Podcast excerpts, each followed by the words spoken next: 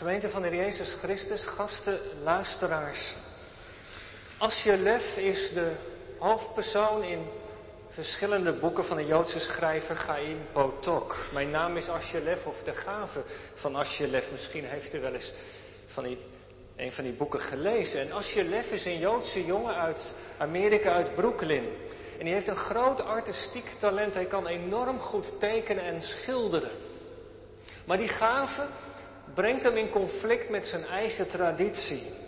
Hij hoort bij het Chassidische Jodendom en die zijn erg terughoudend wat kunst betreft. Ze nemen het tweede gebod waarover het vanavond gaat heel erg serieus. Ze zien die, dat tekentalent van die Asjelef als een gave van de duivel. En in die boeken beschrijft Chaim Potok het conflict wat ontstaat tussen Asjer en met name zijn vader. Zijn vader kan die kunst die hij maakt niet waarderen, want het is regelrecht een gave van de demonen. Van het rijk van de duisternis. En hij probeert zijn zoon ervan af te brengen, maar dat lukt niet. En het gaat helemaal mis als hij een groot kunstwerk maakt over de kruisiging van de Heer Jezus. Dan wordt hij gedwongen om de Joodse gemeenschap te verlaten. En dat allemaal vanwege het tweede gebod. Maar niet alleen in de Joodse traditie, ook in onze eigen christelijke traditie heeft dit gebod in de geschiedenis vaak geleid tot een negatieve houding ten aanzien van kunst. Want zegt het gebod niet dat je geen beelden mag maken, geen afbeeldingen van dingen in de hemel en op aarde. In de protestantse traditie na de Reformatie is dit nog extra versterkt door de katholieke kerk zoveel heilige, heilige beelden had.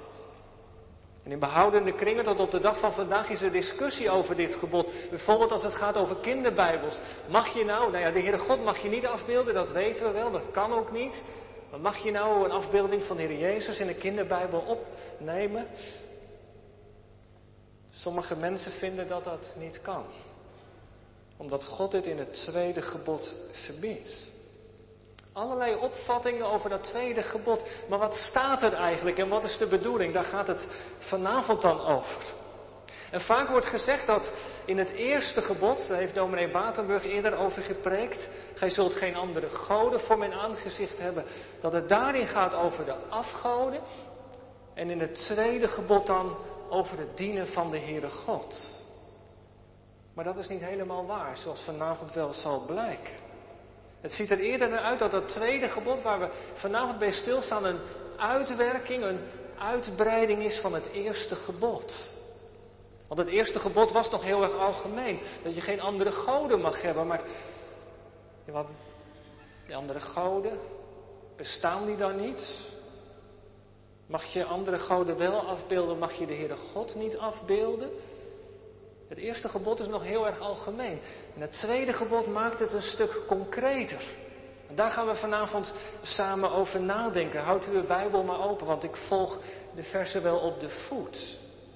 Dat gebod dat de Heere God aan Israël geeft, hè, dat, dat, hebben we gezien. De Heere God heeft het volk bevrijd en, en geeft dan vanuit de bevrijding deze woorden. Dat tweede gebod begint heel concreet. U zult voor uzelf geen, zegt de tekst, geen beeld maken. En dat Hebreeuwse woord persel, dat betekent letterlijk uitgehakt. Het gaat over iets wat door mensen is gemaakt van hout, steen of zelfs ook van metaal. Een voorwerp, een concreet voorwerp dat door mensenhanden is gemaakt. En daar voegt de Heere God nog een tweede woord aan toe, geen enkele afbeelding. En temuna betekent geen enkele vorm, de uiterlijke verschijningsvorm van het beeld. Je mag het dan zelf vertalen, u zult voor uzelf geen beeld maken, in welke vorm dan ook. Die twee zinnetjes die horen bij elkaar. Dat beeld wordt dus uitgelegd, geen enkel beeld, in geen enkele vorm dan ook. En het gaat in het tweede gebod om iets heel concreets, om concrete beelden, voorwerpen die je niet mag vereren. En ik kom later in de preken nog wel op terug. In afgeleide zin gaat het natuurlijk ook over beelden van God in je hoofd die je kunt maken. Dat is daarvan afgeleid. Je kunt ook verkeerde denkbeelden hebben van de Heere God. Maar het tweede gebod begint concreet. tweede betekenis is afgeleid van het eerste. Israël mag geen enkel beeld maken. En waarvan dan niet? Nou, dat staat in het vervolg van wat boven in de hemel, beneden op de aarde of in het water onder de aarde is. En ik weet niet of u dat zinnetje begrijpt, maar dat, dat zinnetje dat moet je begrijpen tegen de achtergrond van het wereldbeeld in het Oude Oosten. Dat wereldbeeld voor een Israëliet of voor iemand uit Mesopotamië of Egypte ook bestond eigenlijk uit drie delen. Je had de hemel boven, als een soort gewelf, een koepel met de zon, maan en de sterren. Dan had je de aarde als een platte schijf, die met pilaren gegrondvest was. En dan had je daaronder de Oerzee, oftewel het, de onderwereld, het dodenrijk. De hemel boven, de aarde als een platte schijf en daaronder dan het dodenrijk of de onderwereld. En als de Heere God dan tegen Israël zegt, je mag geen beelden maken van wat boven in de hemel is, dan gaat het dus over de zon, de maan en de sterren. En u weet dat bijvoorbeeld in Egypte de zonnegod Ra een van de belangrijkste goden was in het Egyptische godendom, in het pantheon van Egypte. En in Assyrië en Babylonië later werd de godin van de hemel vereerd, de maan, soms ook de sterren. Nou blijkt in een bepaalde geschiedenis van Israël dat Israël ook voor die afgoden zich heeft neergebogen. Dus het gebod heeft betrekking dat je geen afbeeldingen moet maken van de zon, de maan of de sterren. Tweede plaats ook niet, zegt het gebod, beneden op aarde. En ik denk dat dat met mensen, ik vind het bijzonder, met koningen te maken hebben. U weet wel de geschiedenis van Daniel, dat koning Nebukadnezar een groot beeld opricht. Een beeld van hemzelf en daar moesten alle mensen voor neerknielen. In Israël mochten er geen beelden gemaakt worden van de koningen. Anders zou het volk het risico lopen om ze te gaan vereren. En alleen de Heere God was alle eerwaardig. Niet van wat boven in de hemel is, niet van mensen op aarde en dan heb je ook nog het water onder de aarde op het dodenrijk. Israël mag ook geen afbeeldingen maken van de geesten van overleden mensen, de voorouders om zo te zeggen. Daar mocht het volk niet mee in contact treden. U kent misschien de geschiedenis van Rachel wel. Als Rachel uiteindelijk met haar man meegaat en haar vaderlijk huis moet verlaten, dan steelt ze de terafim van haar vader. Die verstopt ze dan onder de zadel. Die wordt uiteindelijk niet gevonden, die wil ze meenemen naar een nieuwe woonhuis. De terafim, dat zijn de voorouder godenbeeldjes die in de familie stonden bij het huisaltaar en waarvoor elke dag gebeden werden geofferd en voedsel gegeven. En die zorgden dan voor bescherming, veiligheid, voorspoed. Rachel wil die terefim meenemen in de hoop dat ze ook haar zegen en beschermen daar als ze bij Jacob is. Nee, zegt de Heere God, dat zal in mijn volk niet gebeuren. Geen afbeelding van wat boven in de hemel, wat op aarde is, en ook niet daaronder. U zult dus daarvoor, zegt de tekst, niet neerbuigen en niet dienen. Het gaat dus in het gebod echt om afgodendienst. Dat die beelden die gemaakt zijn als God worden vereerd. En met dat het gebod zo concreet is, dat zeg ik maar even tussen haakjes, dan begrijpt u ook wel dat dit tweede gebod dus niet gaat over het maken van kunst. Over afbeelding of schilderijen. Het gaat om het vereren van een concrete voorwerpen. In de godsdienst, in de eredienst. Nee, het is juist heel belangrijk, denk ik, dat we op het gebied van schilderkunst, van poëzie, van literatuur als christenen ook onze post innemen. Daar waar zoveel nihilisme is, waar zo weinig visie is op het leven, zo negatief vaak dat er christenen zijn op een post die kunst maken, waar hoop en perspectief uitstraalt. Dat is juist een hele goede zaak, lijkt Maar daar gaat het niet over in het tweede gebod. Het tweede gebod verbiedt de Heere God dus het vereren van afgodsbeelden. En u ziet ook wel, het gebod is heel algemeen. dat heeft dus ook betrekking op de Heere zelf. Ook daarvan mag het volk geen afbeelding maken. En het volk Israël heeft dat geweten. Archeologisch is er ook maar heel weinig, zijn er weinig afgodsbeelden in het land gevonden. Maar ook Israël heeft wel gezondigd. De kinderen die naar de kinderleerdienst zijn gegaan, die gaan nadenken over de geschiedenis van het gouden kalf. Mozes die lang wegbleef op de berg. En Aaron die besluit om die zichtbare God zichtbaar te maken. Daar een stierkalf voor uitkiest. En dan zegt hij erbij, dit is de God die jullie uit Egypte heeft geleid. Hij heeft het niet over een andere God, maar hij maakt een afbeelding van de Heer. En dan komt Mozes en dan moet hij dat beeld vernietigen, want de Heere God kan niet afgebeeld worden. Het heeft het volk geestelijk heel veel kwaad gedaan. Dus geen beeld maken, zegt de Heere God, zoals alle volken rondom jullie. Je daarvoor niet neerbuigen, ook niet van mij.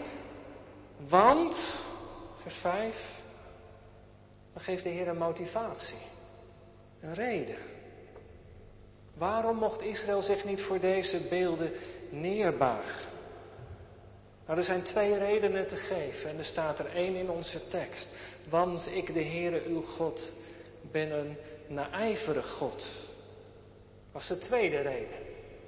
Maar er is ook nog een eerste reden, die staat hier niet, maar die wil ik wel vanavond aan de orde stellen. Waarom roept de Heere God zijn volk op om geen afgodsbeelden te maken? Omdat hij weet hoe gevaarlijk ze zijn. Want weet u ook hoe afgodsbeelden gemaakt werden? In de tijd in Egypte en in Mesopotamië.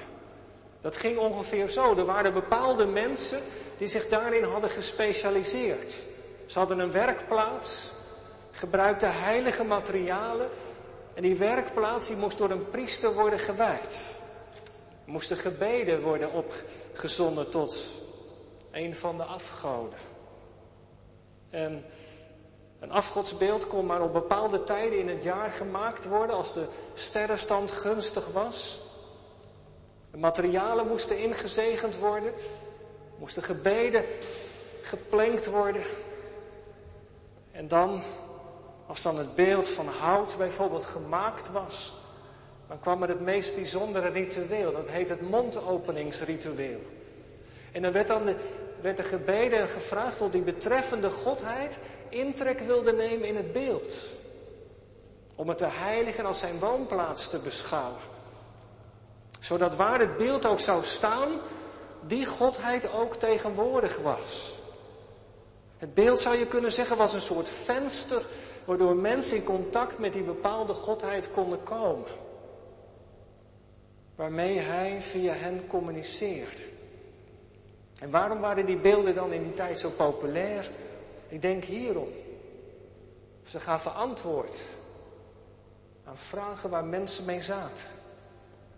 Ze gaven antwoord op diepe gevoelens van angst. De angst voor ziekte, misoogst.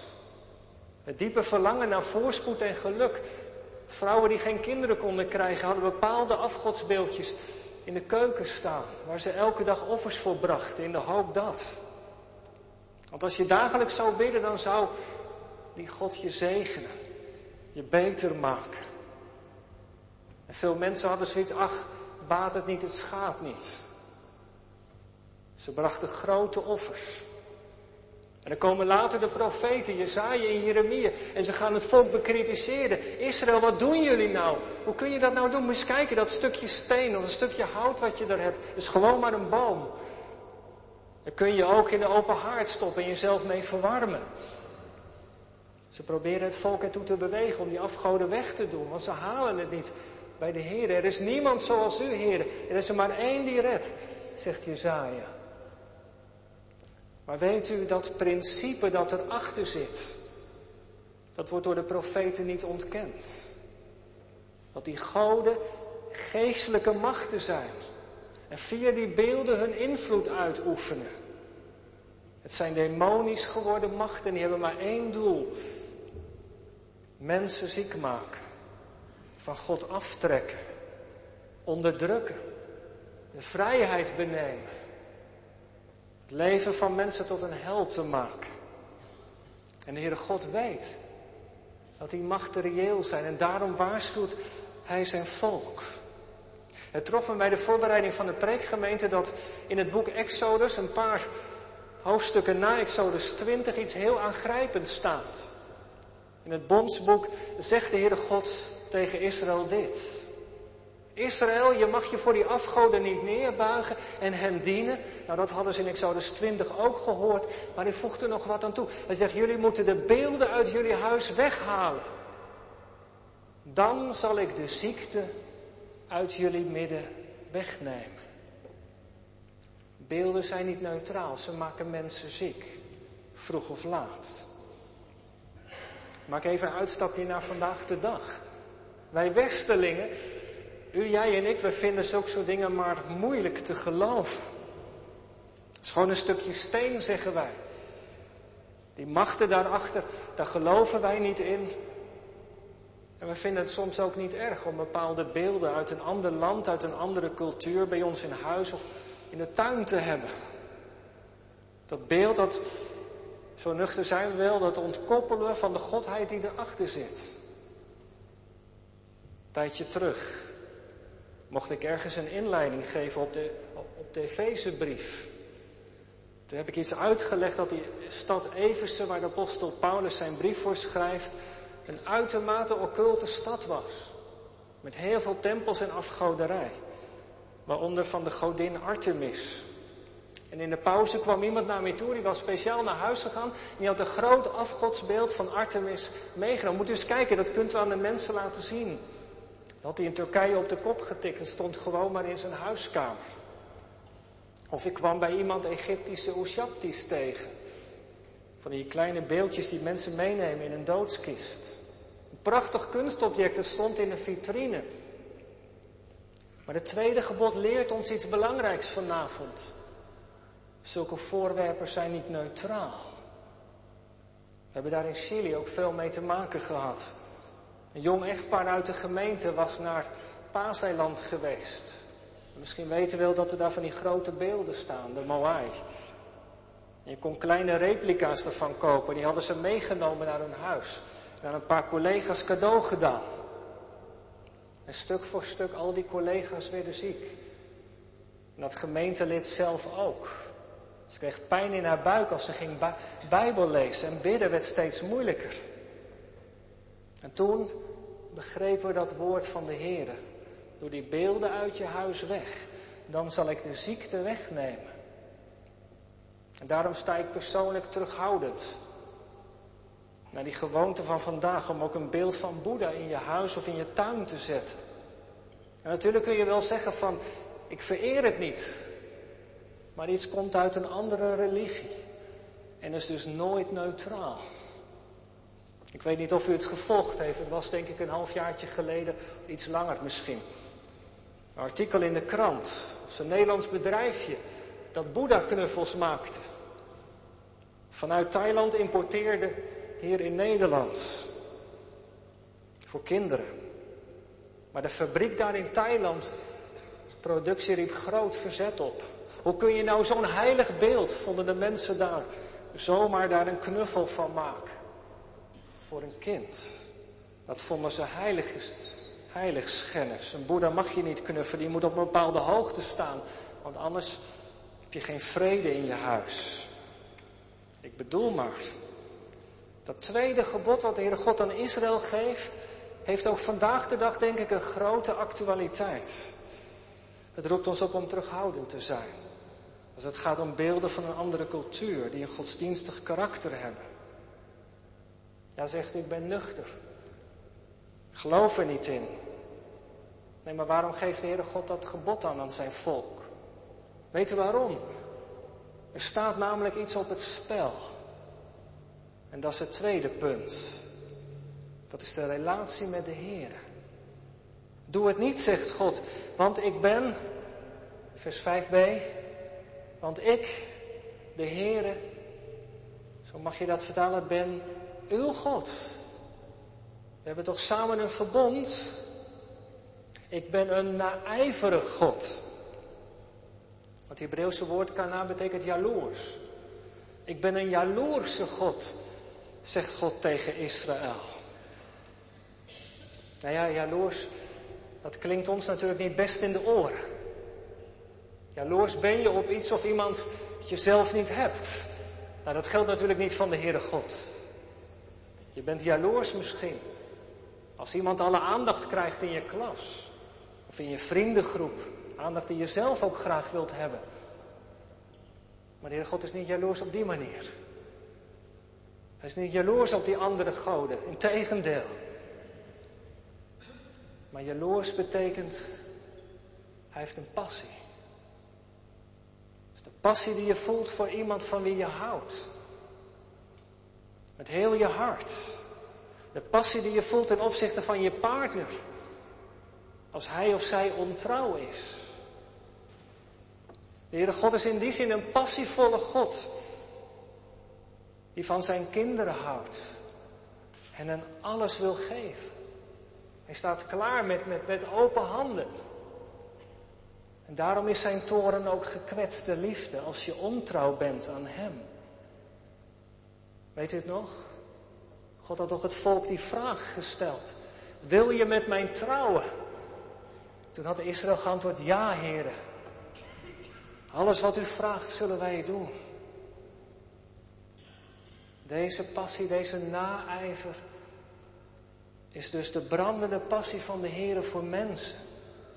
Hij wil niet dat zijn volk verloren gaat. Dat het in de macht komt van al die vreemde machten. Want hij is de enige die zijn kinderen leven kan geven. Hij wil niet dat die ziekmakende machten invloed hebben op het leven van zijn kinderen. Hij wil ze daarvoor beschermen. Hij wil ze dicht drukken aan zijn hart. Want hij weet, dicht bij hem zijn ze veilig. In zijn nabijheid kunnen ze worden tot de mensen die, zoals hij ze heeft bedoeld, vanochtend de preek, volmaakt, te leios. Dat betekent dat je wordt zoals je bent bedoeld. De afgoden kunnen dat niet bieden, maar alleen de Heer. Daarom, ik ben de Heer jullie God. Kom bij mij. Al het andere maakt je alleen maar ziek. Ik ben de Heere jullie God. Mijn hart brandt van passie voor jullie hart. Dan, dan voegt hij er nog iets aan toe. Ik weet niet of hoe je dat elke zondag hoort. Ik heb er soms wel moeite mee met die woorden. Totdat ik steeds nader begon te bestuderen. Die God die de misdaad van de vaderen, mag ook vertalen van de ouders, vergeldt aan de kinderen. Daar zit dus dit achter. Juist omdat de Heere God zoveel van zijn mensen houdt, neemt hij de relatie die hij met ze heeft ook hoog op. Zo blijkt uit het vervolg. De misdaad van de vader zal ik vergelden, zegt God tot in het derde en vierde geslacht. Wat, wordt daarmee bedoeld?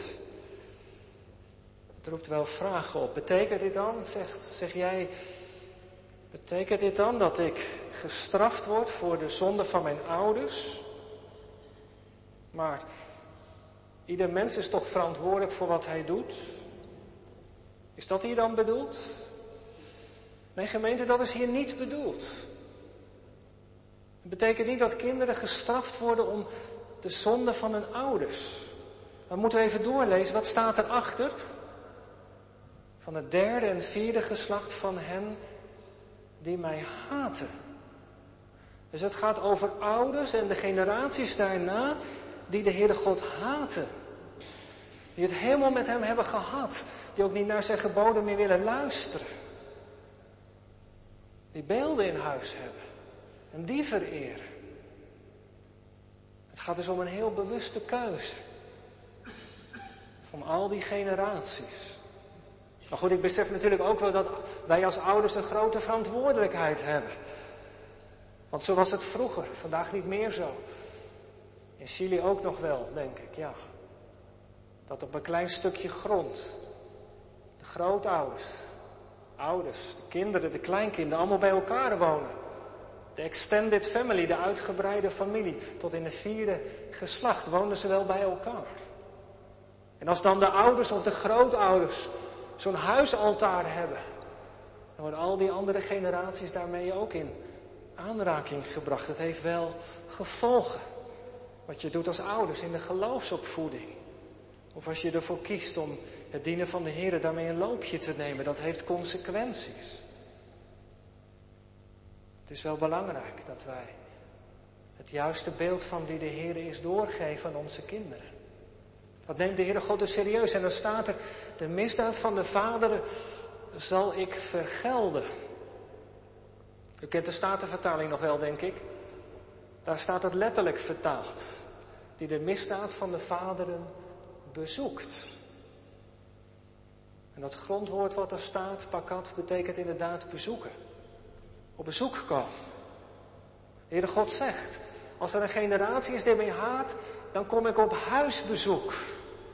Dan kom ik kijken in het huis hoe het ermee staat met het dienen van mij. Dan komt hij observeren. Hoe staat het in dit huis? Dienen ze mij nog? Wordt mijn naam nog met eer behandeld? Ben ik welkom in dit gezin? En als de Heere God niet welkom is, dan gaat hij weg. Hier staat vergelden, wordt ook wel vertaald met straf.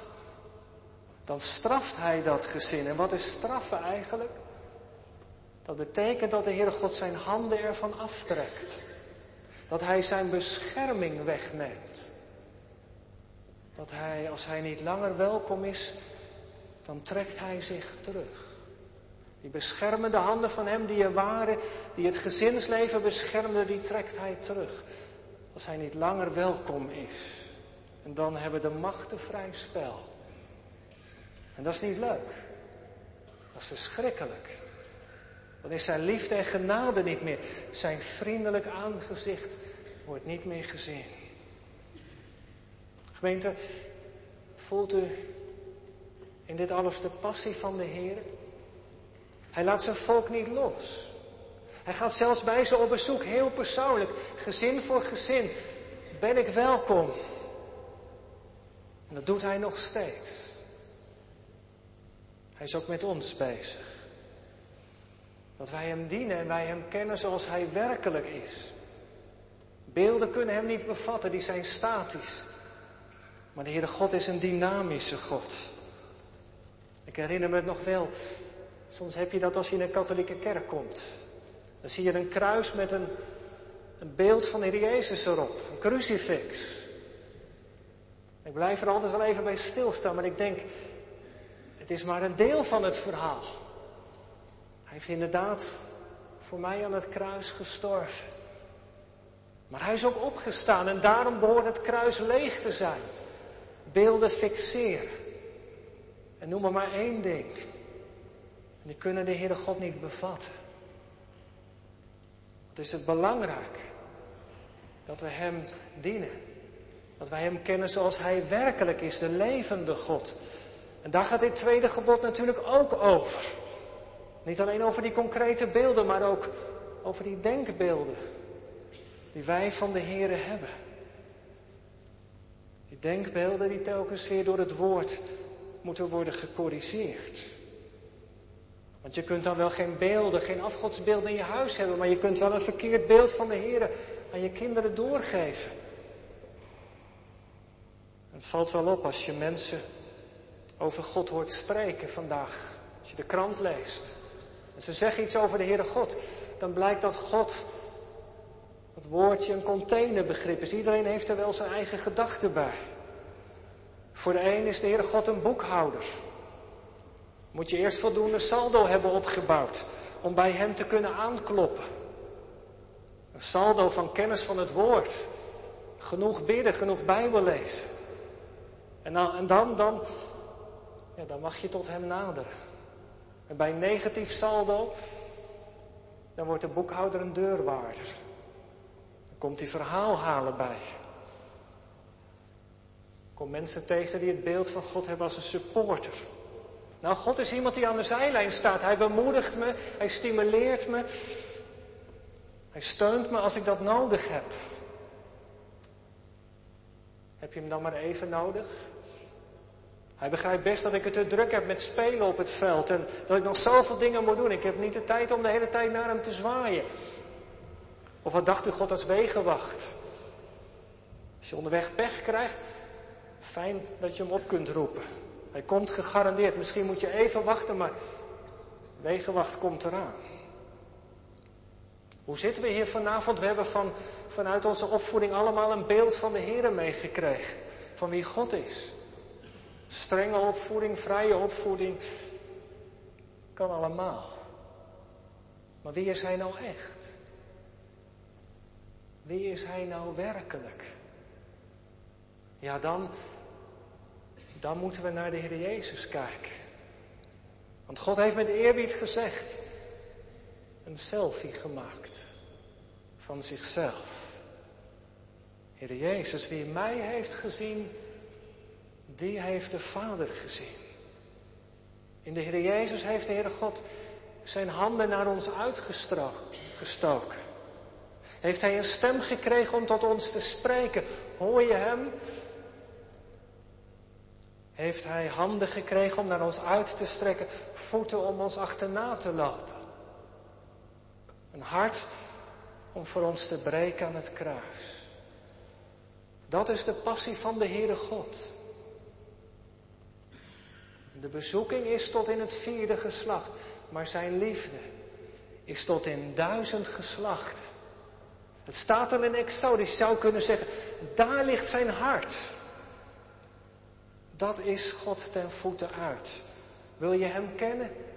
Zoals hij is, kijk dan alsjeblieft naar de Heer Jezus.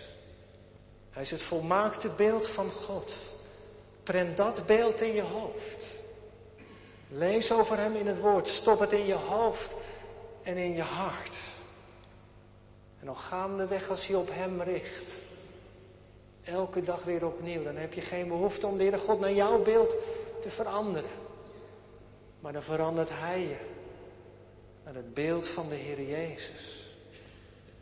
Dan kijkt God naar je leven, naar je hart. En dan ziet Hij iets van zijn eigen zoon erin terug. En weet u, dat geeft hem vreugde. En dat is zijn verlangen. Voor ieder van ons. Amen.